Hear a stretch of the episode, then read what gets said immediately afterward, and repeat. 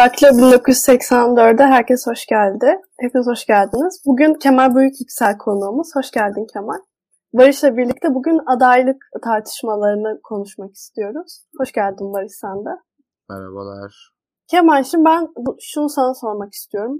Bu adaylık tartışmalarında son durum sence nasıl gözüküyor? Yani bir adayın kamu önündeki en çok desteklendiği birkaç figürden bahsediyoruz. Şu an atmosfer ne yöne gidiyor sana göre?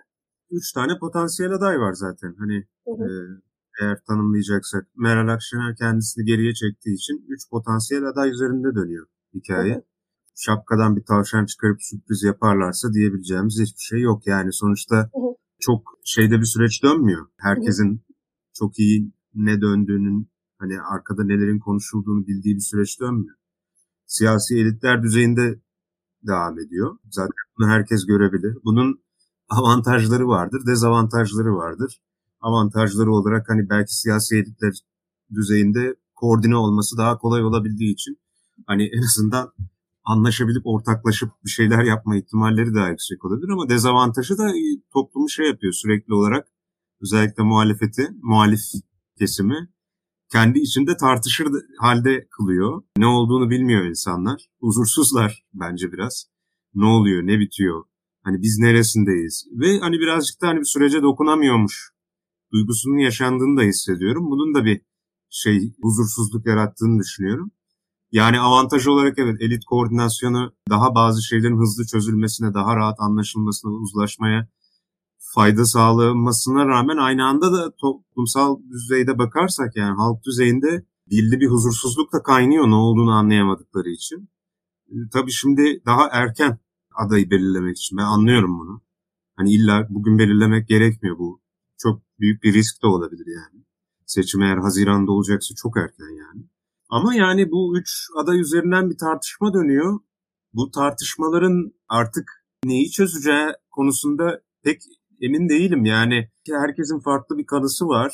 Ee, herkesin istediği başka bir şey var. Herkes başka dezavantajları ve avantajları olduğunu düşünüyor ve herkesin farklı ideolojik yönelimleri var ve bu aslında belli adaylarda toplanmalarına sebep oluyor.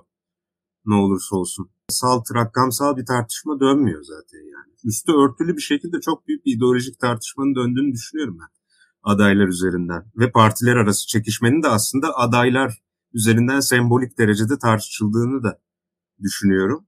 Süreç nedir diye sorarsak okey şöyle çok basitçe söyleyebilirim. En başta şey diye başlamıştı yani dört aday var. İşte Akşener, Kılıçdaroğlu, e, İmamoğlu ve Yavaş. Anketlere falan bakıldığında hep şey gidiyordu. İşte en sonunda Kılıçdaroğlu, ondan sonra Akşener, ondan sonra İmamoğlu, ondan sonra Yavaş. Şimdi yavaş yavaş şöyle bir sü- süreç oluşmaya başladı. Akşener'in oyları düştü. Normal. Kendini geri çekti.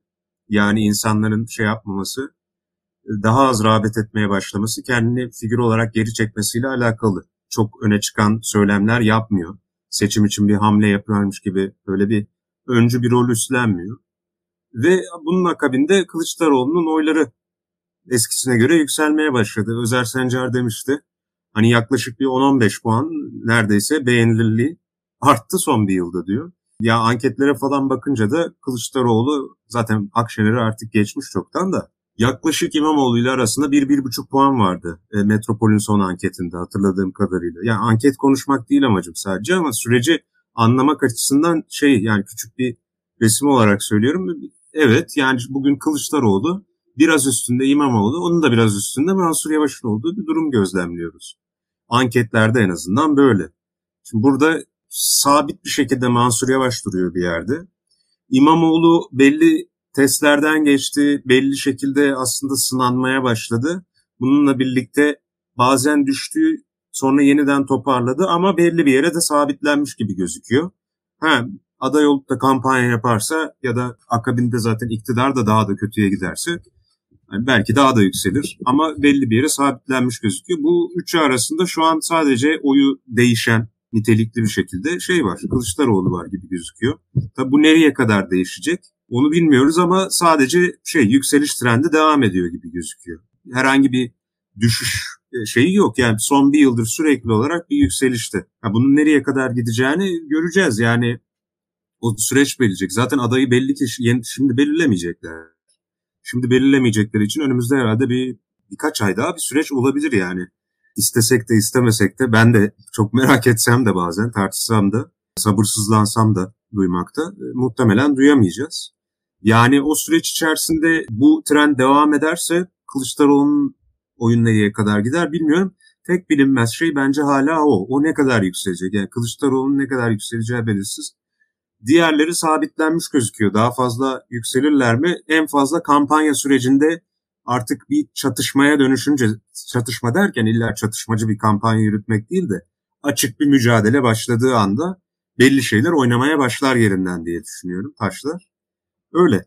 Ben şöyle bir ekleme yapayım ve tekrar sana ikinci bir soru yönelteyim. Senin konuşmanın son kısmında söylediğin şey önemli. Bunun da adını koymak lazım herhalde. Öncelikle konuşmanın başında söylediğin şeyin adını tekrar koyalım. Yani şu an potansiyel adaylar 3'e düştü. Özellikle Akşener'in denklemden çıkmasıyla. Büyük bir terslik olmazsa ve altılı masanın da tek bir aday çıkarma konusundaki iradesini son toplantılarında yazılı olarak beyan ettiğinde varsayarsak Kılıçdaroğlu İmamoğlu ya da Yavaş'tan biri muhalefetin adayı olacak. Şimdi şunun adını koymak lazım belki de. Kemal Kılıçdaroğlu son belki de 7 aydır 8 aydır bir kampanya yürütüyor. Bir adaylık kampanyası yürütüyor. Bir şey inşa etmeye çalışıyor. Kendi isminde simgeleşen diyelim. Ve şöyle bir durum var aslında ona biraz karşı olanlar, mesafeli olanların göz ardı ettiği bir şey ve senin konuşmanın son kısmında vurguladığım bir şey. Bu kampanya yani teknik olarak bakarsak, anketler gözünde bakarsak işe yarıyor aslında. %32'lerden 33'lerden %50'lere yaklaşan bir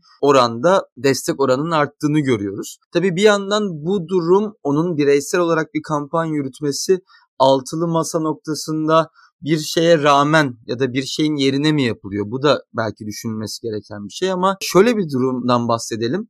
Diğer iki aday bilhassa belediye pozisyonları gereği konuşmamayı tercih ettikleri için ya da konuşmayacak bir pozisyonda oldukları için onların yapamadığı bir siyaseti Kemal Kılıçdaroğlu yapabiliyor. Ve biz aslında bazen İyi Parti'den, bazen başka partilerden Kemal Kılıçdaroğlu'nun yaptığı siyaset tarzının ne diyelim frenlenebildiğini demeyelim de daha düzeltildiğini görüyoruz. Örneğin Beşli Çete noktasında Kemal Kılıçdaroğlu bir şey söylüyor. İşte başka diğer siyasi partilerin liderleri bunun öyle olmadığını ya da öyle bu görüşe katılmadıklarını, bu kadar radikal söylemlere katılmadıklarını söyleyebiliyorlar. Senin az önce söylediğin ideolojik ayrım burada görebiliyor muyuz yani? Burada ideolojik bir çatışmanın bir göstergesi mi bu Kılıçdaroğlu'nun kampanyasına olan tavırlar diyelim?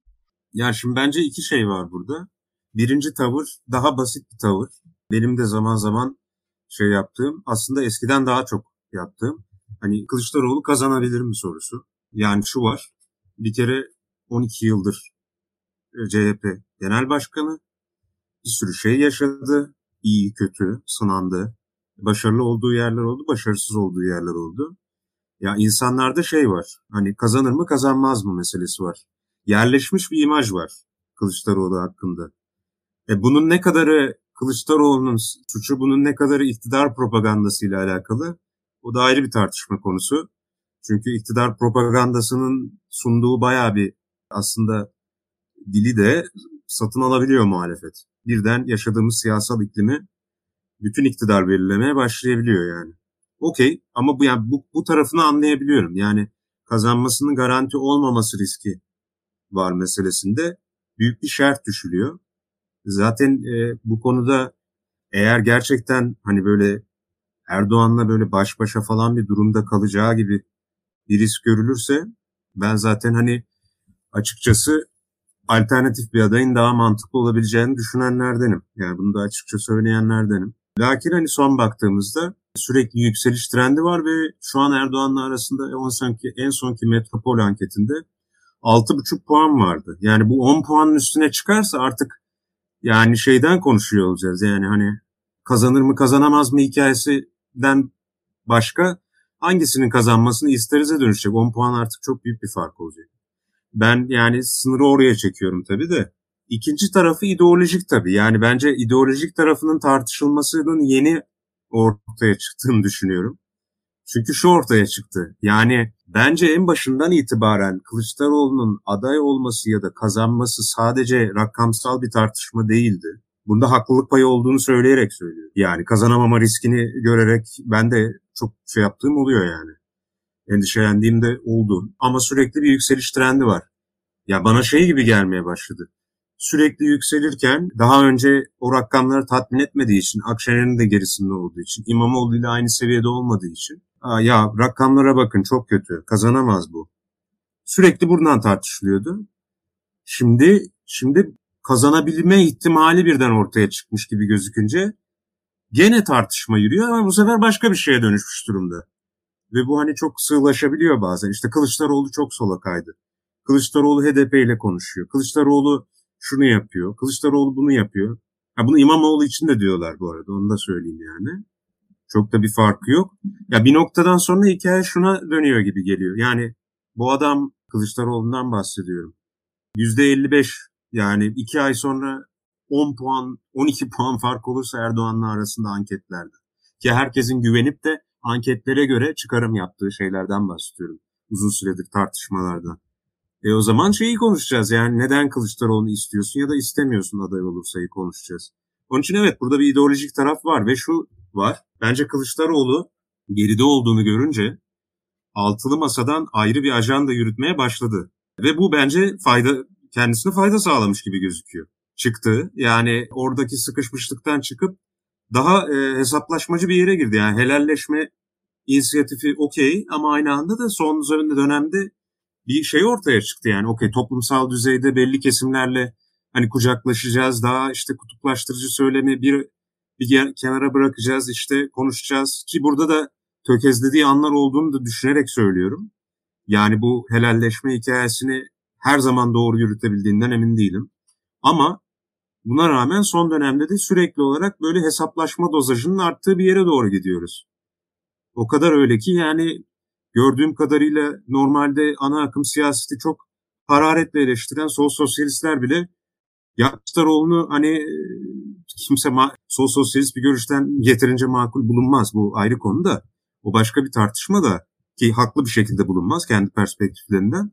Ama ya bir şey var yani sermayeye karşı en azından bir tavır çekiyor yani beşli çete hikayesi üzerinden. Ve şey duygusu yani bu çatışmacı dili arttırdıkça oyları artıyor. Çünkü hesaplaşmayı direten ve bu duyguyu veren başka hiç kimse kalmadı ve bu çok ironik bir şey çünkü Kılıçdaroğlu hepsinin arasında en çatışmacı olmayacak olanı diye düşünülüyordu. Ki bence öyle çıkmadı yani.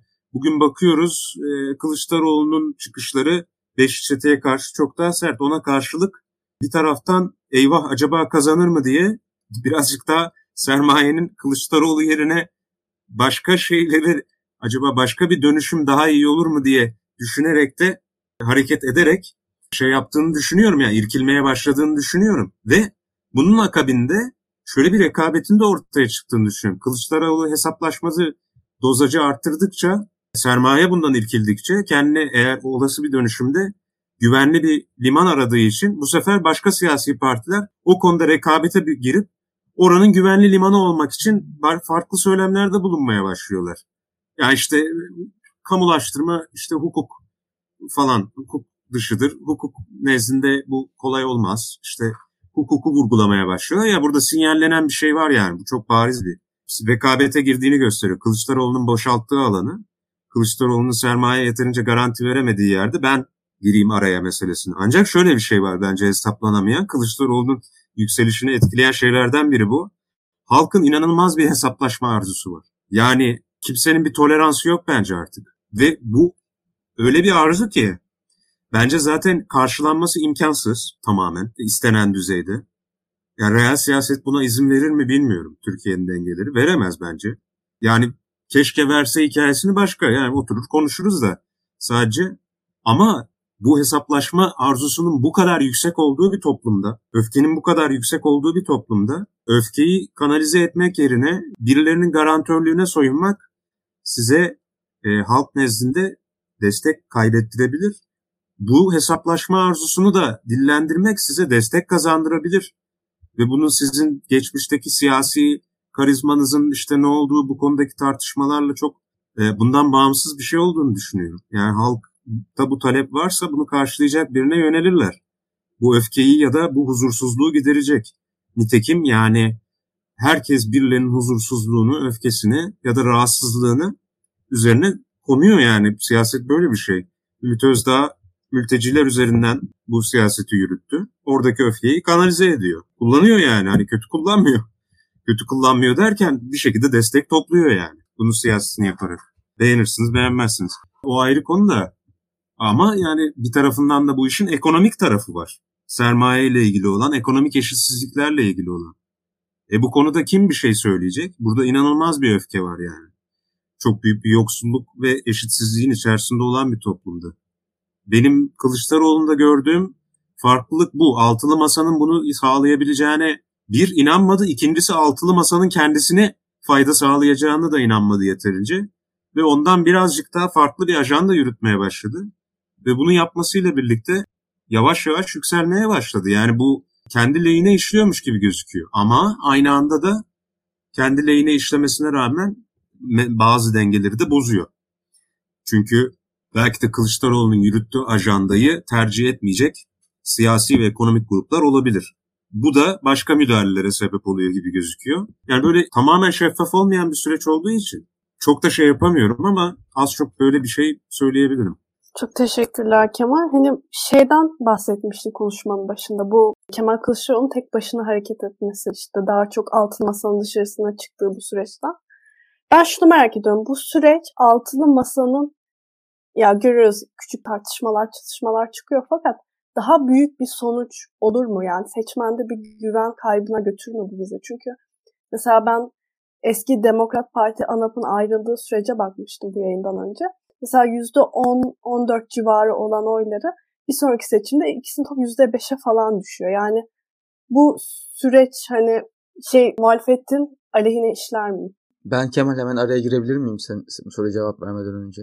Deminki meseleyle ilgili birkaç bir şey eklemek istedim de yeni soruya geçmeden önce. Öncelikle bu dedin ya merkez siyasete normalde mesafeli bakan solcuların bile Kılıçdaroğlu'na yakın hissetmeye başlaması ya da bir bakması diye. Lütfen bütün dinleyicilerimiz Umut Sarıkaya'nın Kılıçdaroğlu iyi adam lan karikatürüne baksınlar şeyde. Google'a yazın Kılıçdaroğlu iyi adam lan diye göreceksiniz karşınıza çıkanı. Evet, tam bu meseleyi çok güzel anlatan bir karikatür. Ben Aybike'nin sorusuyla birlikte şunu da eklemek istiyorum. Hani o, o minvalde bunu tartışsak daha faydalı olabilir. Şimdi Kılıçdaroğlu'na kampanyasına dair eleştiri yapan insanların göz önünde bulundurması gereken bir şey var. Şimdi ben hep iki gruba ayırıyorum bunları. Bir, samimi olarak gerçekten Kılıçdaroğlu'nun seçilme kaygısı açısından bunu değerlendirenler. Benim de etrafımda böyle insanlar var. Yani samimi şekilde seçileceğini düşünüyor, seçilemeyeceğini düşünüyor ve bunlar gayet tartışılması gereken şeyler var. İkinci olarak işte senin o bahsettiğin onun temsil ettiği ya da CHP'nin temsil ettiği ya da onun etrafında etrafındaki insanların temsil ettiği siyasete olan mesafe ve bazen bu siyasete olan karşıtlık kendini seçilebilme argümanı üzerinden şekillendirebiliyor. O biçimde biçimlenebiliyor yani. Ama bu insanların siz %30 iken kullandığınız argümanlarla Kılıçdaroğlu %50'ye çıktığında kullandığınız argümanların aynı olmaması gerekiyor. Burada bir şey değişmiş ama sizin itiraz şekliniz aynı cümlelerse, aynı şeylerse orada siz bir değişim açıklamayı başaramamışsınız demek. Çünkü mesela neydi aynı 7-8 önce söylenen şeylerde? İşte halk zaten yeterince o hani Erdoğan yeterince onu yendiği için artık sevilmemesi için birçok sebep var. Birçok kampanyada kötüleşmiş. Halk zaten o algıyı kıramaz. Şöyle işte mezhebiyle ilgili bir şeyler söyleyenler olabilir falan filan. Ama burada bir, bir ivme var. Artık bu yüzden seçilememe mev- mevzusundan bu ideolojik kısma bir zıplamamız gerektiğini düşünüyorum ve o kısmı kırmamız gerektiğini düşünüyorum. E tabi ideoloji meselesine gelince de Aybike'nin sorduğu minvalde bir hani Kürt meselesi en büyük ayrımlardan bir tanesi ve altılı masadaki küçük partilerin orada oynadığı rol ikinci bir e, şey meselesi. Bu bunu eklemek istedim yani sana sözü vermeden önce. Orada altılı masa gerçekten teknik ve sıkıcı bir yer. Böyle de olması gerekiyor belki bir noktada. Çünkü altılı masanın alt komisyonlarını incelerseniz şu an onlar bir çalışmalar daha yürütüyorlar o minvalde. İşte seçim işleri var, tüzük var, ekonomi masası var altılı masanın. Bunlar çok basit bir şekilde ihale kanununun noktasından sonra hangi kelime gelecek diye çok teknik işlerle ilgilenen yapılar e, yürüyor ama oradan siyaset çıkması çok zor. Gerek de yok belki de. Belki de gerek de yok. Bu Aybiki'nin buradan tam tersi bir ivme kaybı çıkar mı sorusuna buradan bir çerçeve çizmiş olayım. Hem de birkaç yorumumu eklemek istedim. E sözü tekrar sana bırakıyorum. Siyasetsizlik olduğu zaman birlik olmak çok kolaydır. Ama yani siyasetsiz de seçim kazanılamadığı için bir yerde girmek gerekiyor. Girince sarsılması çok normal. Yani altılı masa sadece prosedürel hikayeler üzerinden yürüdüğü sürece gidiyordu. Böyle aralarında partilerin sürtüşmeler de minimal düzeydeydi. Ama aynı anda da sıkıcıydı, kimse dinlemiyordu. Şimdi birden herkes siyasileri dinlemeye başladı. Neden? Çünkü siyaset konuşmaya başladılar. Farklı pozisyonları olduğunu görmeye başladık. Hangisi daha iyi? Bence günün sonunda siyaseti konuşabilmek daha iyi. Çünkü zaten siyaseti konuşmadan seçimi kazanmak mümkün değil. Bir noktada politika ve söylem üretilmesi gerekecek. Neye göre üretilecek? Belli bir uzlaşmaya göre. Farklılıklar ortaya çıkıp bunlar hakkında çatışma olmadan biz farklılıklarımızı tanıyıp hani okey o zaman biz farklılıklarımıza rağmen ortaklaşıyoruz noktasına gelemeyiz. Üstü örtülü kapalı bir süreç vardı sürekli olarak altılı masada. Bu biraz bence ortaya çıktı. Ama bunu sağlıksız bir şey olarak görmüyorum. Çünkü herkesin birbirini tanıması gerekiyor ki ortaklaşabilelim.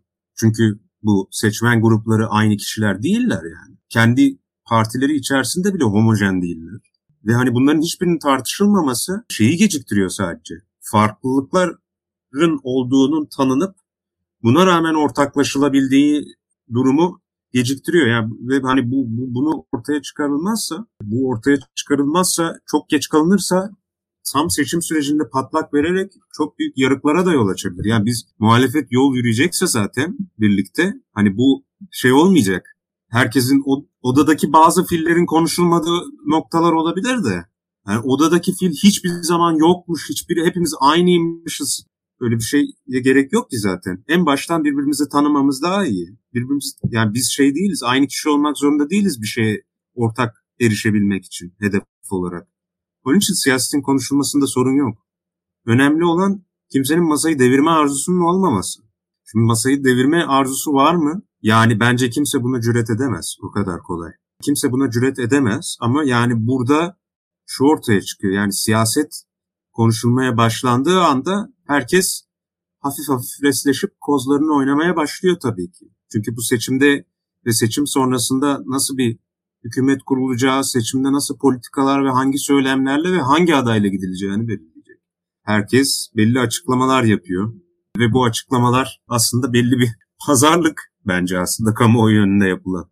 Açıklamalar pazarlık açıklaması gibi gözükmeyebilir ama biri mesela tartışmayı çok e, soldan bir yerden açıyor.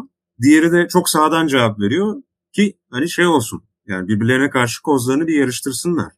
Sen zaten en baştan aşağıdan açarsan bahisleri hiçbir şey alamazsın yani günün sonunda. Bir de böyle bir şey var. Yani böyle bir oyun dönüyor birazcık da. Bunu da anlıyorum. Ama benim anlamadığım şey şu. Yani bu oyunun döndüğünü kabul edelim. Bu kötü bir şey değil ki. İnsanlar bu oyun dönüyor diye çok e, hızlı bir şekilde ya işte olmadı, bitmedi. Yani insanlar siyaseti ne sanıyor? Bu bence konuşmamız gereken bir şey. Çekişme, rekabet, tartışma, çatışma, pazarlık ve pazarlık arasında da sıkı rekabet ve şey tartışmasız pazarlık mı olur yani böyle bir şey var mı yani? İlk şey işaretinde ya böyle miymiş falan birden hani bozulursa insanlar o zaman siyasetin doğasını anlamamış oluyoruz. Bunlar çok doğal şeyler. Benim garipsediğim bütün bu çatışmalar değil. Bu çatışmalara karşı hem muhaliflerin ciddi bir kısmının yani toplumun hem de siyasilerin verdiği tepkiler yani. Dünya sona ermiş gibi bir tepki veriyorlar yani bu tartışmalar yapıldığı için. Vay işte hani ne bileyim HDP'den biri çıkıp bir şey demiş. O onu demiş, bu bunu demiş. Ya, bu siyaset bu. Yani bu normal bir şey. Erdoğan giderse çok partili bir sisteme geri dönersek düzgün rekabetin olduğu hatta koalisyon hükümetlerinin kurulduğu falan. Her gün bunlar olacak. olacak. Her gün bunlar olacak. olacak her zaman.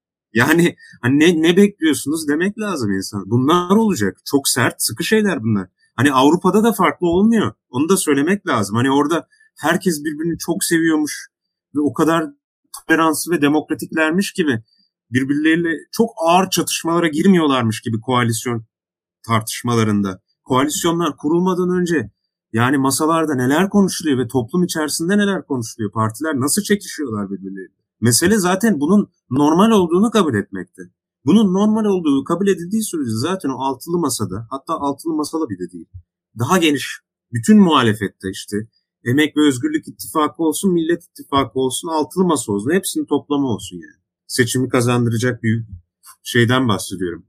Gruptan, kitleden bahsediyorum. Bu yani ana hedefe zaten ulaşmak imkansız değil ki. Ana hedef zaten asgari düzeyde demokratik hukuk devletini yeniden tesis edebilmek. Yeniden de değil çünkü eskiden var mıydı? Okey ona girmeyeyim de. Bunu tesis edebilmek belli asgari prensiplere göre. Ve bundan sonra da devam edebilmek normal siyaseti. Olabildiğince siyaset normal bir şey olarak kabul edilecekse. Ama bence beklentimiz çok yüksek. Yani Erdoğan öyle bir 20 yıldır yürüttü ki siyaseti. Çok fazla çatışma yaşandı. Erdoğan da çok kutuplaşmaya oynayan biri. Buna karşılık öyle bir refleks geliştiren insanlar var ki bence çok fazla beklentileri var siyasetten. Siyasette çatışma bitmeyecek. Çekişme de bitmeyecek. Kavgalar da bitmeyecek. Biz zaten kavgaları bitirmek için bir araya falan gelmemeliyiz yani. Hani bu bunun sonu o altılı maksanın sıkıcı hali işte. Kimse de dinlemiyor. Siyasetsizlik. Hani eğer öyle olacaksa herkes partileri kapatsın. Erdoğan'ı yenme partisi diye bir parti kuralım EYP. Ve şey olsun yani hani bitirelim. Ondan sonra da teknokratik bir hükümet kuralım. 50 yıl yönetsin Türkiye'yi. Bunu İlber istemiyor Ortaylı, ki kimse. Eğitim Bakanı falan. İlber Ortaylı Eğitim Bakanı falan olduğu hükümet. ekonomi maliyeden sorumlu. Ya bu istenen bence beklentiler çok yüksek. Yani muhalefetin içerisindeki çatışmalar zaten demokrasinin gerekliliğini gösteren bir şey. Bizim ulaşmak istediğimiz şey de tamam okey. Bizim ulaşmak istediğimiz hedefte belli bir uzlaşma alanı olmalı ama zaten ulaşmak istediğimiz yerde çatışma var, çekişme var, siyaset var, ilerleme var. Yani ilerleme derken her siyasi grubun kendi amaçlarını ilerletmesi var. İktidarı ele geçirip, ele geçirip de çok kötü bir laf da seçimleri kazanıp yani hükümete gelip. Bunlar olacak yani. Bunları görebiliyor olmamız lazım diye düşünüyorum. Onun için tartışmadan, çekişmeden kaçmak şey gibi oluyor. Yani böyle olacaksa oynamam deyince o zaman demokrasi oyununu oynamam demeye geliyor.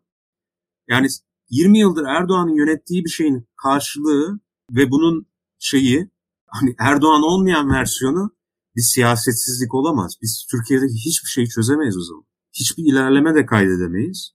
E kimse de konuşmaz dediğim gibi. Yani bırakalım, dükkanı kapatıp gidelim gibi bir moda dönüşür diye düşünüyorum. Kürt sorununu konuşmak istiyordun. İstersen ona da girebiliriz ama. Yani öyle girelim zaten. Şimdi ben şunu da eklemek istiyorum. Bence müthiş konuştun ve çok birçok noktaya açıklık getirdin. Şimdi gerçekten bazen muhalefet aktörleri birbirlerinden kendi partilerinin yani muhalefetin içindeki diğer partilerin Erdoğanlaşmasını istiyorlar. Yani kendi partilerinin içinde aykırı bir ses çıktığında bunu bunu susturmasını istiyorlar. Siyaset farklı fikirleri duymak istemiyorlar ve belki de siyaset konuşmayı Erdoğan iktidarının bize en korkunç miraslarından biri olarak muhalefetin bazı aktörleri de gayrimeşru hale getirmiş bir noktada var. Çünkü Erdoğan'ın iktidarın tipik bir özelliğiydi. Bunların konuşulmasının ya hainlik olması ya mutlaka arkasında büyük emellerin farklı şekilde ifade edilen versiyonları olması falan filan en büyük söylemlerinden biriydi. Maalesef bazı muhalif aktörler de bu söylemleri, bu algıyı belki de satın almışlar. Bu işin birinci boyutu. İkinci boyutu yine senin söylediklerinden ben tekrar manşetleştiriyorum. Bu seçim kaybedilirse hiçbir aktörün e, siyasette adı okunmayacak. Hiçbir siyasi partinin, hiçbir buradaki yapıların hepsi gidecek. Bunların eminim günün sonunda umuyorum ki hepsi farkındadır. Bütün aktörler, şu an konuştuğum bütün aktörler farkındadır. Ya hep beraber ya hiçbiri durumu var. Ve dediğinden şimdi ben asıl soruma dönüyorum ve Kürt meselesinde belki buradan konuşabiliriz. Bir kesim var ki ve bunlar bu kişiler genelde bir aday üzerinde yoğunlaşıyorlar. Onlara göre siyaset yapmadan da seçim kazanılabilir. Yani bu siyaset yapma anlayışı ya gereksiz ya da zaten bu insanların farklı ideolojik beklentilerinin yansıması. Siyaset yapmadan işte ekonomiyi düzelteceğiz, liyakatleştireceğiz diyerek sadece ekonomi konuşalım. İşte AK Parti ekonomiyi mahvet diyelim. Diğer meselelere pek girmeyelim. İşte özellikle hukuk konusunda hani Kürt siyaseti biraz daha özellikle üstüne çöküldüğü için söylüyorum. Onların mağduriyetleri ya da evrensel hukuk normlarında onlara yapılan muameleye pek girmeyelim. Kısacası siyaset yapmayalım. İşte hizmet şeyi mi deniyor artık hizmetin öne çıkarması mı deniyor. Ve bu tam tersi şımarıklık olarak addediliyor. Ya da bir takım odakların etkisi altında kalmak. Bir ideolojiyi ne diyeyim yedirmeye çalışmak muhalefete olarak canlandırılıyor. Soruyu direkt soruyorum. Böyle siyaset yapmadan sadece ekonomi konuşarak, hizmetlerden falan konuşarak bir seçim kampanyası boyunca bu soruları ya ben benim meselem bu dil diyerek seçim kazanmak mümkün mü? Hayır değil yani. Hani bunun çok net bir cevabı var. Ya insanlar huzur istiyor olabilirler ama kim bu insanlar huzur isteyenler ve huzurdan anladıkları nedir? Şimdi belli bir kesim için e, siyasette çok konuşmayan, sadece işini yapan, işte böyle daha teknokratik bir hükümet ve bunun başında da daha böyle hani icraatını yapan, çok insanları yormayan, Erdoğan'ın aslında şeyi olabilecek. Erdoğan gibi olmayacak biri. Gündemde sürekli şey yapmayan. Bunu idealize ediyor olabilirler. Ama şöyle bir sorun var yani.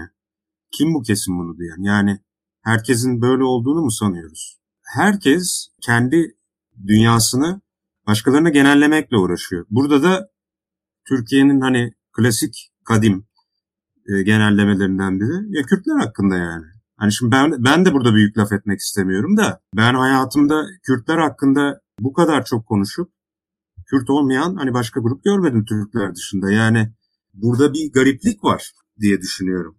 Nasıl oluyor da bir kesim hakkında ya merak etmeyin onların derdi şu denebiliyor. Ondan sonra e, Kürtlerin en çok oy verdiği parti HDP iken e, HDP ve HDP'ye bağlı seçmen bir şey diyor ve ya hayır Kürtlerin derdi bu değil.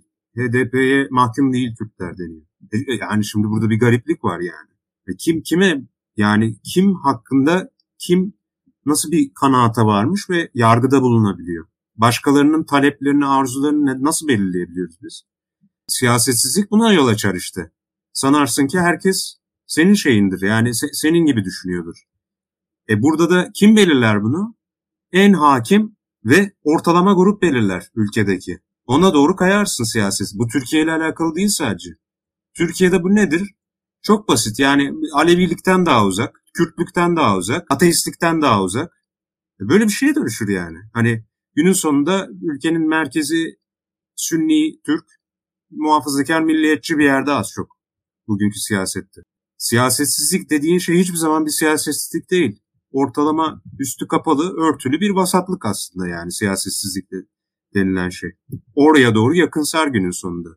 E tamam da yani hani bu yakınsamanın sonucu başka anlamadığın kitleler için ne olacak? Yani en ortalama kitlenin, en Türkiye'deki hakim grubun ya evet bu böyledir dediğinde diğer azınlık grupları için geçerli değil ki senin yaptığın genelleme. Ve eğer o azınlık grupları bir önemi varsa siyasette, seçimde, bunların bir iradesi varsa dinlemek zorundasın yani. yani böyle bir şey yok. Onlar hakkında konuşmak çok zor. Hem onlar adına konuşacaksın hem onlara politika üretmeyeceksin. Yani bu garip bir şey. Bir tane örnek vereyim ve burada büyük bir asimetri var yani. Sürekli olarak e, zaten çekişmenin şey hakkında olduğunu söyleyebiliriz. Yani bir tarafta ortada bir CHP var. Az çok omurgası bu muhalefet. Bunun bir tarafında sağında İyi Parti var, solunda HDP var. Daha küçük partiler de var. Bunlar da değerli. Hiç onları dışlayarak söylemiyorum bunu. Ama hani üç ana aktörü söylüyorum yani. Tüm bu dinamikleri en çok belirliyor. Şimdi burada İyi Parti'nin belli bir oy oranı var. Belli bir milletvekili sayısı var. HDP'nin var. Geçmiş seçimlerde de HDP'nin oyu daha yüksek hatta İyi Parti'de. Şimdi öyle bir hikaye anlatılıyor ki sanki şöyle bir durum var gibi yansıtılıyor. Hem Kürtler hakkında hiçbir şey konuşulmayacak, konuşulursa da Kürtler konuşmayacak. Lakin en basit sorunsalda HDP'nin dillendirdiği, Kürtleri en çok temsil eden parti olarak. Ondan sonra da AKP ile CHP bu arada yani. O şey de değil. CHP'nin sağındaki partiler de değil. İktidarda AKP, muhalefette CHP ile HDP yani Kürtlerin en çok oy verdiği parti. Hani CHP de Kürtler hakkında, daha Kürtler hakkında ve Kürtler içerisinden konuşan bir parti milliyetçilere göre. Bunların hiçbiri dinlenmeyecek. Ondan sonra buradan en minimal bir söylem ortaya çıktığında mesela bugün hukuk normlarına göre hukuksuz bir şekilde hapiste bulunduğu Selahattin Demirtaş'ın ayım kararına göre dışarı çıkması. Normal bir Türkiye'de zaten ayım kararına uymak zorundasın. Çıkar yani. yani bu bir tartışması. Bunu dillendirmenin kendisinin neredeyse tabu hale geldiğini gördüğümüz bir noktadayız. Ve burada sanki bunu dillendirmek inanılmaz bir dayatmaymış gibi anlaşılıyor. Ve hani burada şey duygusuna erişilmiş gibi geliyor. Bütün iyi niyetimle söylüyorum. Ya böyle bir durum yok. Sanki hani milliyetçilerin üstünde tepiniliyormuş gibi sanılıyor. Böyle bir şey yok. Hani sanki e, ens, enselerinde boza pişiriliyormuş. Böyle de dendiğini duydum. E, çünkü onlar çok şeymiş, sabırlılarmış. Ya bu, bu inanılmaz kendi perspektifinden, kendi dünyandan görmek meseleyi. Hele hele ortadaki büyük asimetriyi görmeden yani hem Türkiye'nin en merkezi siyasal kimliğine sahip olacaksın. Yani ve iktidar ideolojik olarak en yakın grup olacaksın. Ve aslında iktidarın dayattığı siyaset içerisinde çok daha konforlu bir alanda konuşabileceksin, söylemlerini üretebileceksin. Çünkü dokunmayacak o kadar fazla şeye. Daha soldaki partilere göre. Hem de en sabırlısı ve en sürekli sınananı, en sürekli da, e, zorlananı, bir şey dayatılanı, sürekli bir şey bir şeyden dolayı tetikleneni sen olacaksın. Böyle bir şey yok. Bir tane örnek vereyim mesela. Hani bir tarafta HDP'nin şöyle bir tartışması var. Ana dilde eğitim. Tamam bu HDP'nin tartışması. Bu bir tartışma. Demokratik bir ülkede parlamentoda tartışılır bu. Böyle bir talebi olabilir. Bu parlamentoda tartışılır. Uygulanır uygulanmaz. Nasıl uygulanır o ayrı konu. O başka bir şeyin tartışması. E dün de çıktı İyi Parti'nin eğilim, eğitim politikaları dan sorumlu genel başkan yardımcısı sanırım. Dedi ki yok ana dilde eğitim. E, andımızı geri getireceğiz dedi. Ya tamam okey. Sen de bunu diyorsun. Senin de siyasetin bu. E, ama şöyle bir şey var. HDP'den biri çıkıp kendi siyasetinin hakkında biz böyle bir görüşümüz var dediğinde ortalığı yangın yerine çeviriyor Türkiye. Ama yani hani andımız geri gelsin dendiğinde ya da ana dilde eğitim yok dendiğinde HDP aynı tepkiyi vermiyor. Bugün gördünüz mü HDP'nin çıldırdığını? Ya da CHP'lilerin. CHP'nin içerisindeki Konda'nın son anketine göre CHP'nin çoğunluğu şu an ana dilde eğitimi destekliyor. AKP de ikinci parti. HDP'den sonra söylüyorum. HDP birinci parti, ikinci parti CHP, AKP üçüncü parti. Türkiye'nin çoğunluğu da destekliyor. E kimse yangın yerine çeviriyor mu? Yani siz ana dilde eğitimi desteklemiyoruz dediğinizde aynı karşılığı alıyor musunuz verdiğiniz başka insanları? Onlar siyasetten konuşunca siz nasıl karşılık veriyorsunuz? Siz siyasetten konuşunca onlar nasıl karşılık veriyor? Ve kim kime daha çok tolerans gösteriyor? Aynı fikirde olmayacaklar zaten. Hani HDP ile İyi Parti'nin bugün anlaşmasını zaten kimse beklemez ki. Bunun üzerine zaten bir ortaklaşma yapılmıyor ki seçim için. Ama yani burada sorun ortaya çıkıyor. Yani tepkilerde çok büyük bir asimetri var. CHP için de geçerli bu. CHP de hani İyi Parti'nin solunda birazcık da ama CHP ile İyi Parti iyi bir ortaklık kurabiliyor. Ama anladığım yani şöyle bir gerçek de var. CHP'nin seçmenine İyi Parti ile %100 her konuda uyumlu olma ihtimali yok. Tabanı aynı olamaz. Tarihsel olarak ne kadar çok AKP döneminde seküler kesim, seküler Türk kesim yekpare bir grup olarak tanımlanmaya çalışsa da öyle olmadığı bence ortaya çıktı yani. CHP seçmeninin tabanı daha farklı. İyi Parti seçmeninin tabanı biraz daha farklı. Aralarında geçişkenlik var. CHP ile HDP arasında da var.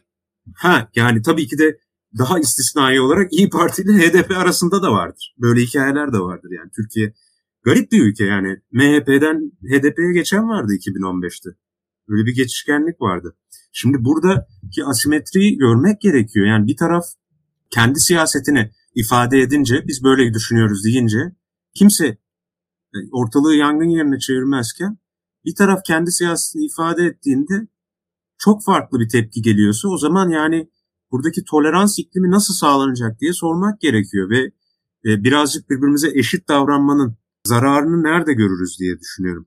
E, çünkü şunu da söyleyeyim. Mesela İyi Parti için şunu söyleyebilirim. Andımız hikayesi. Andımız hikaye yani bir de şu argüman var çünkü. Hani İyi Parti'nin yaptığı siyaset ve İyi Parti'nin daha yakın hissettiği Mansur Yavaş adayı iktidarın seçmeni olan muhafazakarlardan daha çok oy, alabilir gibi bir argüman var. Siz AKP seçmeninin andımızı desteklediğini mi düşünüyorsunuz yani? Tayyip Erdoğan karşısına böyle bir aday çıksa, böyle bir söylemle Tayyip Erdoğan'ın ilk söyleyeceği şey bakın gördünüz mü geri getiriyorlar vesayeti demek olacak. AKP seçmeninin Erdoğan'ı destekleyen tabanın andımıza bayıldığını mı düşünüyorsunuz? Ya böyle bir şey yok. Şöyle bir sorun var yani.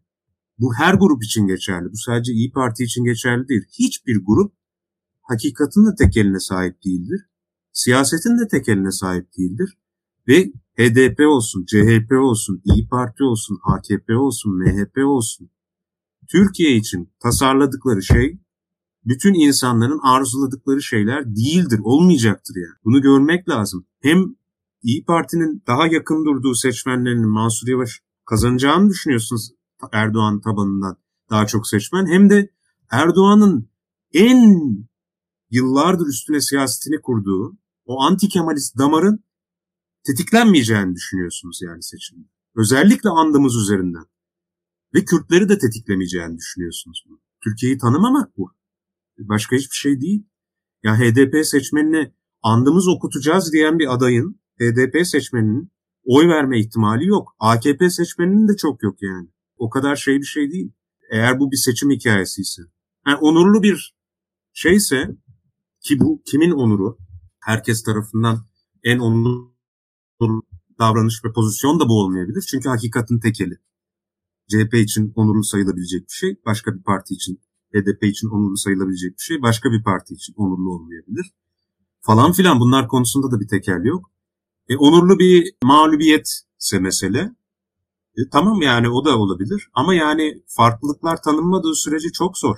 Ben dediğim gibi Türkiye'nin çok merkezi bir ideolojik kimliğine sahip olmanın en büyük dezavantajı bunu herkese genelleyebileceğini düşünmek. Lakin hani AKP seçmeni falan hani andığımız böyle böyle yerlerde değiller. Kürtler hiç değiller. Yani bu e, direkt öcü gibi bakarlar buna. Bunu görmek lazım. Bu demek değil ki diğer siyasi grupların ve toplulukların kör noktaları yok.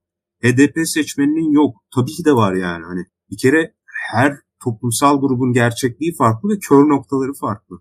Ve bu konuda da aslında açık açık siyaset konuşulması herkesin kör noktasını geliştirmek için iyi bir şeydir. Çünkü açık açık bir yüzleşme yaşanır. İfade özgürlüğünün en güzel tarafı taraflarından biri bu bence zaten. Başkasının kör noktasını şey yapabilmen, yüzleştirebilmen onu. Çünkü onun görmeyeceği bir şey söyleyebileceksin. Çünkü o değilsin, farklısın, başkasın, ötekisin.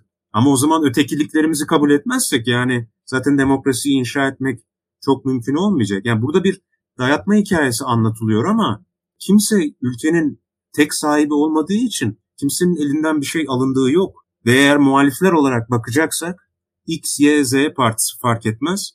Ülke elinizden alınmış durumda zaten. Hiçbirinizin yeterince hakkı yok. Kesinlikle katılıyorum ve özellikle iki tane şey ekleyeyim burada. Ee, birincisi bu dediğin düzlem özellikle bazı tartışmaların bazı partiler tarafından yapılabilmesi ama diğerleri tarafından yapılamaması muhabbeti biraz AKP ve MHP'nin özellikle 2016'dan sonra kurduğu, inşa ettiği müesses nizamın sınırlarına yaslanmak bana çok çok yanlış geliyor. Özellikle muhalefetteki bir partinin sınırları siyasetin sınırlarını onların bu inşa ettiği düzenin sınırlarıyla tanımlamak, bunu kırmaya niyetli olmamak. E sanki gerçek bir muhalifin yapabileceği, yapmaması gereken bir hamle gibi geliyor. Bu düzenden şikayetçi, bu düzeni yıkmak isteyen, bu düzeni bu ülkenin hak etmediğini iddia eden bir yapının yapmaması gereken bir şey gibi geliyor. İkincisi de bence daha büyük, benim daha çok biraz üzen, kıran, sinirimi bozan bir yaklaşım. Şöyle bir söylem de görüyorum son zamanlarda. Ya işte bu kadar demokrasi inşa işte ayım kararlarını uygulayalım. İşte onların şu tarz söylemleri de tartışılsın. Gerek yok. Zaten AK Parti MHP üstlerinden o kadar sert geçti ki ne yapacaklar? Onlara mı verecekler? Yani zaten onlarla bağ koptu mantığı. Yani bu da çok Türkiye'de bir şey inşa etmeye çalışan bir vatandaşlık tabiriyle, vatandaşlık hissiyatıyla bu düzenden şikayetçi bir insan değil de tam tersi MHP ve AK Parti'nin yarattığı, yaptığı zulümleri ya da hukuksuzlukların biraz avantajına çevirme yöntemi ya da onu biraz istismar etme, onu biraz ucundan kullanma mantığı olan söylemler. Ben bu ikisine de kesinlikle karşıyım ve bu şekilde olmamalı. Şimdi hem kapanış için Aybike'ye vereceğim sözü ama çok az özetleyeyim ne konuştuğumuzu. Muhalefetin aday profilini konuştuk bugün efendim. Tabii ki adayların isimleri az çok belli. Kimlerin aday olabileceği az çok belli. Az çok değil yani bayağı belli. Ama bu adayların ne diyeyim şeyleri var. Bir takım temsil ettiği durumlar var ve bir profilleri var. Özellikle siyaset siyasetsizlik meselesinden bahsettik. E, ve özellikle herhalde hepimizin burada yayınlayan fikir olduğu nokta siyasetsiz bir daha sessiz, yalnızca liyakat üzerinden, yönetim üzerinden yapılmış bir şeyin başarılı olamayacağını söyledik. Ee, en azından bununla şey olduk. Şimdi Kemal'e son kez söz vereyim Aybike vermeden önce. Belki adayların isimlerine çok girmedik ama kendisi belki adayların üstünden de konuşmayı, hani isim vererek de konuşmayı tercih eder. Ben açıkçası şey yapmayalım diye adayların isim isim konuşmadık ama bir bu dediğimiz profillerde hangi aday neye tekabül ediyor belki buna da değinmek gerekir. Daha sonra yayını yavaş yavaş toparlarız. Son olarak e, anladığım kadarıyla bu üç aday profili hakkında bir şey mi? Roundup. Evet bu konuştuğumuz şeyi biraz yedirelim o adaylara. Bu konuştuğumuz üzere. Tamam. Ee, şöyle bir de son bir şey söyleyeceğim. Bu arada şunu da hatırlatmakta fayda var. Zafer Partisi'nin genel başkan yardımcısı Selahattin Demirtaş'ın serbest bırakılması gerekir ayım kararına göre dedi. Tamam mı? Zafer Partisi diyorsa İyi Parti'nin hiç çekinmemesi lazım hukuk. Ki İyi Partililerin de bunu söylediğini gördük. Ben eklemek istiyordum bunu sadece çünkü. İyi Partilerin de söylediğini görüyoruz. Bunu da anlıyorum hukuk konusunda. Ve şeyi de anlıyorum. Siyaset yapıyorlar. Kendi seçmenlerine belli bir kesime hitap ediyorlar. Sürekli bağıra bağıra bir şeyleri söyleyemezler. Konsolide etmek zorunda oldukları bir kitle var. Bir arada tutulması gereken. Ama o zaman şunu da sormak lazım. Bunu başka partilerin de yapması gerekiyor ve onlar kendi kitlelerini konsolide tutup ki bu konsolide tutmak muhalefetin lehine en büyük muhalefet grubunun oluşması için kendileri belli şeyler söylediklerinde herkes biraz daha fazla susabilir. Yani bu, bu iyi olabilir diye düşünüyorum. Herkes kendi fikrini söyleyebilir ama e, başkalarının fikirlerini söylediğinde tepki çok göstermek zorunda değil. Herkes kendi pozitif ajandasını yürütsün. Ama negatif ajandaya yürütmeye gelince vuruyorsun yani birbirine. Gerek yok ki buna.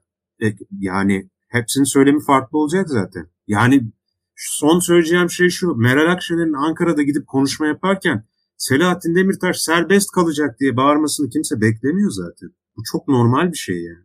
Yani kendi pozitif söylemleriyle, kendi pozitif şeyini yürütürken, siyasetini yürütürken başka partiler de yürütür bunu yani. Ha, aynısı HDP için de geçerli. Demirtaş çıktı en son ne dedi? Bir tane yazı yazdı. Meral Akşener'e çok sert cevap veren biri vardı. Şimdi adını unuttum HDP'den biri. Üst düzey bir yönetici. Ee, şey demişti biz onunla hiçbir masada olmayız. Çay bile içmeyiz falan filan gibi bir şey demişti. Demirtaş çıkıp şey dedi yani böyle bir açıklamaya gerek yoktu. Yapmaya gerek yok. Bunlar çok sivri açıklamalar. Bunları yapmamak lazım dedi. E yani demek ki Kürt hareketinin içerisinde ve HDP'de ve onun da defakto liderlerinden biri olan Demirtaş birazcık daha susup stratejik hareket etmenin ortaklık için önemini anlayabiliyor. İki taraftan da arada çıkabiliyor böyle çatlak sesler. Ama demek ki çözülebiliyor. Onun için yani çok olumsuz ve şeyde bakmamak lazım yani pesimist olmamak lazım. Sadece herkes kendi siyasetini yürütürken asgari müştereklerde buluşmak yeter. Zaten biz seçimi şey yapmak için kazanmıyoruz yani. yani bir siyasi partinin siyasi programının getirip Türkiye'de devrim yapıp tamamen Türkiye'nin rejimini o yöne kaydırıp işte şey falan böyle bir şey olmayacak yani bir seçimde. Kocaman bir koalisyon gelecek seçimde. Neyse son söyleyeceğim uzatmadım değil mi? Var evet. vaktimiz değil mi? Son bir söyleyeceğim saati şey bulmayalım şey şu, yeter. Son söyleyeceğim şey şu. Üç tane adayımız var elimizde sürpriz olmazsa sürprizin riskli olma ihtimali var. Onu zaten ben kişisel olarak öyle düşünüyorum.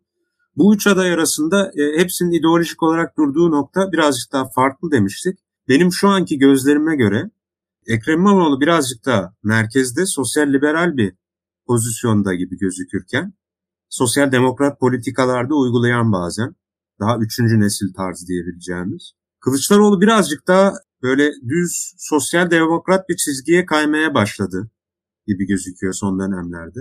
Solunda bir nebze kalıyor. Solculuk demiyorum buna. O ayrı bir hikaye.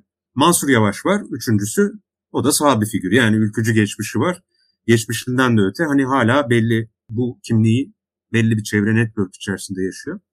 Ve e, hani böyle bir şeyi var. Pozisyonu var. Şimdi bunların hepsinin imlediği şeyler birkaç açıdan farklı. Bir tanesi Kılıçdaroğlu'nun imlediği şey sermaye ile olan bir çatışma içeriyor gelecek için. Bunun sermaye için bir sıkıntısı var. Aynı anda Kılıçdaroğlu'nun imlediği bir şey daha var. Kazanma olasılıklarından ayrı söylüyorum. Onu son söyleyeceğim şey olacak çünkü.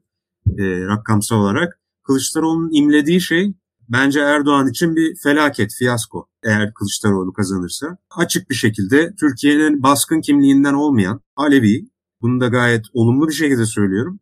Alevi birinin Cumhurbaşkanı olduğunu görmek çok isterim açıkçası. Ama bu başka bir şey. Yani kazanır mı kazanamaz mı tartışmasından ayrı bir şey. Ama Erdoğan'ın kabus olduğundan eminim yani bunun. Ee, hem sermaye ile çatışan hem hesaplaşma dilini en çok kullanan hem de ülkenin hakim muhafazakar milliyetçi siyasetinin Sünni Türk muhafazakar milliyetçi hikayesinin çok zıttında bulunan bir figür şu anki şeyiyle. Ve aynı anda da 10 yıl boyunca yıpratılmış. Yıpratılmasına rağmen kazanırsa iyice Erdoğan'ın hikayesi mahvolur, biter yani. Bütün anlattığı, bütün o inşa ettiği şeylerin yok olacağı bir senaryo bu. Bunların ürküttüğü yani aktörler siyasi olarak işte dediğim gibi bence böyle bir ürkütme durumu var. Kılıçdaroğlu'nun oyu yükseldikçe. Aynı anda ürküttüğü yani bir grupta ekonomik gruplar olduğunu düşünüyorum Kılıçdaroğlu'nun. Ve en çok ürktükleri figürün bu olduğunu düşünüyorum. En çok dillendiren bu olduğu için. Hesaplaşma üzerinden daha çok şey söylediği için. Ee, bununla birlikte helalleşmeyle bunu dengeliyor bir şekilde. Helalleşmeyi %100 başarılı ve hani savrulmadan yürütemediği oluyor. Ama gene de bir şekilde dengeyi kuruyor. Şimdi burada böyle bir birinci figürü var. Ee, ikinci figür İmamoğlu. İmamoğlu bence daha merkez bir profil çiziyor. İstanbul'u yönetiyor.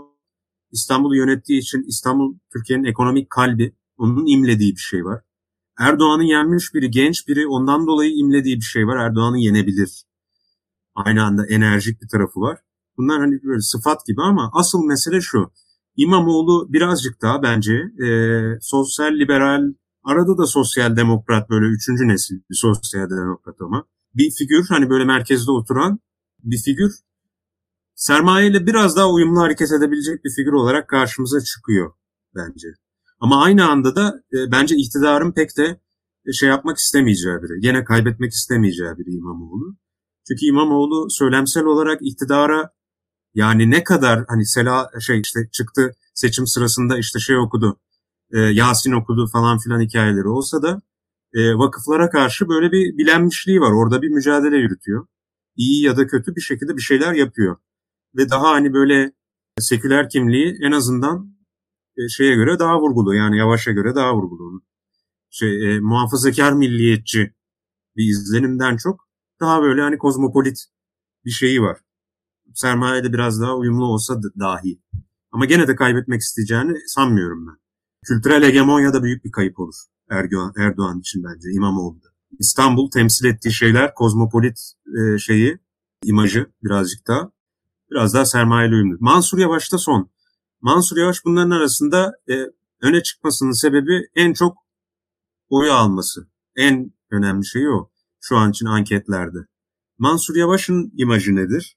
Mansur Yavaş ülkücü bir geçmişten geldiği için o camiayla içli dışlı olan halen de belediyede e, aslında bu e, beraber iş yapabilen, iktidara yakın cenahla da iş yürütebilen, bu açıdan bir geçiş figürü olarak bazıları tarafından görülen, bunun bir avantaj olduğu düşünülen, hem muhalefetteki bir kısım için kazanmak için bir avantaj olabileceğini düşünenler olabilir. Ama iktidarda da bunu düşünenler olabilir, onu söyleyeyim. Yani kime kaybetmek istiyorlar diye düşünürsek, bugün iktidarın aktörleriyle ya da ülkücü e, gruplarla ya da Büyük Birlik Partisi gibi gruplarla belediyede rahat çalışan ya da TÜGVA'yla rahat çalışan bir figüre kaybettiği zaman ne bürokraside çok büyük bir değişim olacaktır ne de sermaye ile hesaplaşmada diye düşünüyorum. Bu iktidar için hani kaybedeceksek de kime kaybedeceğimiz sorusunda bence şey bir e, önemli bir soru olduğunu düşünüyorum ve burada hani e, bu yumuşak geçiş daha ideal olabilir iktidar içinde. Sadece muhalefet tarafından bakıyoruz ama burada da Yani hesaplaşmanın arzulandığı bir yerde en öfkeli kesimlerin bir kısmının daha milliyetçi pozisyonda olduğu için bu öfkeyi yansıtacağını düşünüyorsak seçim sonrası bundan çok emin olmamakta fayda var. Yani bu siyasete yansımayabilir. Kimin hesaplaşacağını bilemeyiz gün gelince. Son söyleyeceğim şey şu, bunu hep söylüyorum. Kişisel olarak da ben hiç gocunmadan söylüyorum. E, bence benim kişisel olarak en ideal gördüğüm iki aday İmamoğlu veya Kılıçdaroğlu. Bunun iki sebebi var. Birincisi İmamoğlu'yla bu da son söyleyeceğim şey olsun kusura bakmayın biraz uzattım. Son söyleyeceğim şey de şu işte bunun hakkında. Birincisi Kılıçdaroğlu ve İmamoğlu sınanmış figürler. Konuşuyorlar, ulusal siyasette varlar, yıpranıyorlar ve yıprandıkça aslında zımpara kağıdıyla pürüzleri aslında temizleniyor. Çünkü sınanmak siyasette iyi bir şeydir. Sınandıkça şeyini bulursun yani bir aşıklık kazanmaya başlarsın. Benim gördüğüm en büyük avantaj şu yani Kılıçdaroğlu bugün neden oyu yükselebiliyor diye düşündüğümüzde aşağıda olmasını başlamasına rağmen e düşmez çünkü hani onun artık düşebileceği bir yer yok. Onun yani 12 yılda sınanmadığı hiçbir yer yok. İyi ya da kötü ya da başarılı ya da başarısız. Yani PKK tarafından saldırıya uğramaktan yumruk yemeye karşı bütün kara propagandaya karşı her şeyi yaşadı. Yani Kılıçdaroğlu'na her gazetede PKK'lı da dendi. HDP'nin yanında durması da bir şey olmaz. Ya mesela dün Demirtaş'ın şey oldu, onun önünde durdu meydan okurcasına. O da ona eksi yazmaz. Yazmaz ki zaten HDPKK, CHPKK falan deniyor artık yani Yeni Şafak'ta. Yani bunlar bunlar eksi yazmıyor hanesine artık. Kimsenin umurunda değil yani. Şimdi böyle bir durum var. Bu olduğu için bunun bir avantaj olduğu taraflar da var. İmamoğlu için de böyle o da yıpranıyor. Davalar oluyor, işte polemiklere giriyor. Bazen e, başa, yani başarısız bir şey sergiliyor, performans bir yerde özür diliyor falan filan geri adım atıyor. E, tartışmalara giriyor. Bunlar çok büyük avantajlar bazı açılardan. Dezavantaj gibi gözükse de. Bu iki adayın avantajlı olmasını düşündüğümün sebebi bu. Mansur Yavaş'ın dezavantajlı olmasını düşündüğüm sebebi de bu. Mansur Yavaş en suskun figürlerden biri. Anketlerde oyu zaten yukarıya doğru hiçbir şekilde seyretmiyor. Ve konuşmaya başlayınca yukarıya doğru seyretmek yerine aşağı doğru seyredeceğini düşünüyorum. Yani sürekli olarak elenecek birileri orada konuşmaya başladıkça. E, ve Mansur Yavaş'ın bütün muhalefetin az çok asgari düzeyde söylemlerini taşıyabilecek bir figür olduğundan pek emin değilim. Bazı konularda yuvarlak konuşmak gerekebilir seçim sırasında. Ve Erdoğan'ın belli kozları olacaktır buna karşı. Ve e, bu konularda ulusal siyasette hiçbir şey söylememiş bir figürün daha yukarıda olması, hani icracı, sakin figürüyle cezbedici bir tarafı var. Türkiye'nin sulh ve huzura ihtiyacı var ama seçim sulh ve huzurla kazanılmayacak. Ve o çatışmacı dinamikler girdiğinde belli şeylerle, tartışmalarla yüzleşmek zorunda kalacak bir aday. Burada da oyların aşağı bir nebze seyredeceğini düşünüyorum. Günün sonunda hani Mansur Yavaş'ın bundan dolayı e, bir avantajı olduğunu düşünmüyorum. Bunu söyleyince çok kızıyor insanlar ama yani benim kişisel görüşüm bu. Ee, başka insanlar böyle düşünmüyorsa makul bir sebep söyleyebilirler. Ancak ben şunu söylüyorum sadece. Tayyip Erdoğan andımızı getirmiyorum der. Mansur Yavaş bu konuda ne diyecek? Bu konuda ne dediğinde, bu konuda bir şey dediğinde Kürtler ne yapacak, AKP seçmeni ne yapacak? İki, bunun dışında çok daha basit bir şey var. Tayyip Erdoğan Türkiye'nin en pragmatist lideri. Yani bunu nazik bir şekilde pragmatist diyorum. Başka şekilde de söylenebilir. Her tarafa gidebilen biri seçimde kazanmak için. MHP de gayet pragmatist yani. Göya ülkücü milliyetçi bir parti ancak hani Vahdettin hain değil deme noktasına geldi. Ve aynı anda şeye de geldi. Mülteciler konusunda mültecileri destekleyen bir noktaya da geldi. Bu çok inanılmaz bir şey yani. Ülkücü, milliyetçi bir parti için, Türkçü bir parti için. Yani hala öyle adlandırabilirsek. Ee, Erdoğan ana dilde eğitim hakkında bir şey söylediğinden ne olacak? İnsanlar bunun, bu kartların ortaya çıkmayacağını mı düşünüyorlar? Yani ben şunu anlamıyorum. Erdoğan ana dilde Türkiye'de bir şey muhalefetin adayından daha ileride bir şey söylerse ne olacak? Yani şaka mı yapıyoruz biz demokrasi isterken? Burada ana dilde eğitim sadece şey değil çünkü. HDP seçmeniyle alakalı bir durum değil. AKP seçmeni içerisinde ya da başka partiler içerisinde muhafazakar Kürtlerin ana dilde eğitime sıcak bakmadığını mı düşünüyorsunuz? Yani AKP seçmenin içerisinde ana dilde eğitime desteğin yüksek olmasının sebebi muhafazakar Kürtler zaten yıllardır. E ne olacak buna? Ya bu konularda kitlenecek bir adayın çok kolay ezilebilme ihtimali var. Ben demiyorum ki burada çok açık söylenilecek. Hayır burada bir sürü denge var. Bir tarafta İyi Parti, bir tarafta HDP, bir tarafta CHP ve küçük partiler de var. Ama aday bunların hepsinin topunu çevirmek zorunda. Jonglör gibi. E burada İyi Parti ile iletişim kurabilen, HDP ile iletişim kurabilen, bu dünyalar içerisinden konuşup onlara hitap edip onlar tarafından geri itilmeyen figürler olarak karşımıza İmamoğlu ile Kılıçdaroğlu çıkıyor. Mansur Yavaş'ın adaylığını zaten HDP açık bir şekilde boykot edeceğini, desteklemeyeceğini söylüyor. Çok uzattım ama çok önemli olduğunu düşünüyorum bu Ve üstüne aday çıkartacağını ima ediyorlar bu arada. Yani yalnızca boykot değil, üstüne bir de aday, üçüncü bir aday çıkacak orada. Evet, HDP aday çıkarınca Kürt siyasi hareketi ve onun seçmenleri, onu destekleyenler politi çok politize bir gruplar yaşadıkları şeylerden dolayı. Ve kolektif hareket etme bilincine çok sahipler. Yani kimse Türklerden daha fazla sahipler bazı açılardan. Çok stratejik hareket edebiliyorlar gerektiği zaman. Yani hiç enayi değiller bence. Hiç öyle düşünülmesin. İstanbul'da çok iyi bildiler yani ne yapmaları gerektiklerini. Ki Öcalan mektubuna rağmen bildiler. Kendi çıkarlarını biliyorlar. Yani onun e, şimdi, takibine bile girmediler bunu, yani bir kitle olarak. Hayır girmediler yani. Demirtaş çıkınca Demirtaş'la birlikte o çıkışı yapabildiler. Ama şöyle bir şey var yani bu seçmen hiç tanınmadan böyle bir Türkiye'de böyle bir grup insan varmış. Bunu hiç kabul etmeden ve bunların muhalefetin %10'undan fazlasını oluşturduğunu kabul etmeden e, kazanılacak bir seçim olduğunu düşünenler bence çok büyük bir yanılgı içerisinde. Ve bunu hiçbir şekilde bunu parmak sallama olarak anlamak bence hassasiyetle alakalı. Bu kadar hassas olunmasına gerek yok. Milliyetçi olabilir insanlar. Bunu söylemek birilerine had bildirmek değildir. Gayet net bir realiteden bahsediyoruz. Bu kadar üstüne tartışılacak ne olduğunu anlamıyorum. İstanbul'un kazanılması imkansızdı yani HDP olmadı. HDP 2014'te İstanbul'da aday çıkarmasaydı tamam mı? Zaten o zaman muhalefet kazanabiliyordu belki de. Sarıgül kazansa ne kadar iyi olurdu o ayrı bir hikaye de kazanabiliyordu. Yani HDP'siz bir seçim kazanılma ihtimalini düşünmek bana şey gibi geliyor. İnanılmaz bir maceracılık. Ve hani hem kekim yenmesin hem de karnım doysun gibi bir durum var burada. Olmuyor ama yani bir şekilde pragmatik bir süreç yürütmek gerekiyor. Herkes kendi siyasetini yapabilir burada. Ama belli bir ortaklık kurulması gerekiyor. Az bir olan da tanınması gerekiyor. Tolerans tanınabilmesi gerekiyor. Kimse ortak bir ahlaki değer çatısı altında birleşmek zorunda değil zaten. Asgari talepler belli yani. Hani Demirtaş'ın serbest kalması asgari bir talep değil. Hukuk devletine geçince zaten Zafer Partisi Genel Başkan Yardımcısının söylediği bir şey. Tartışılacak bir şey yok burada yani. E, ondan dolayı ben şeyi anlayamıyorum. Buradaki büyük tartışmanın ne olduğunu gerçekten çözebilmiş değilim ve hani HDP'nin en azından şunu deme hakkının olduğunu da düşünüyorum ben. Bir siyasi, üçüncü siyasi parti olarak.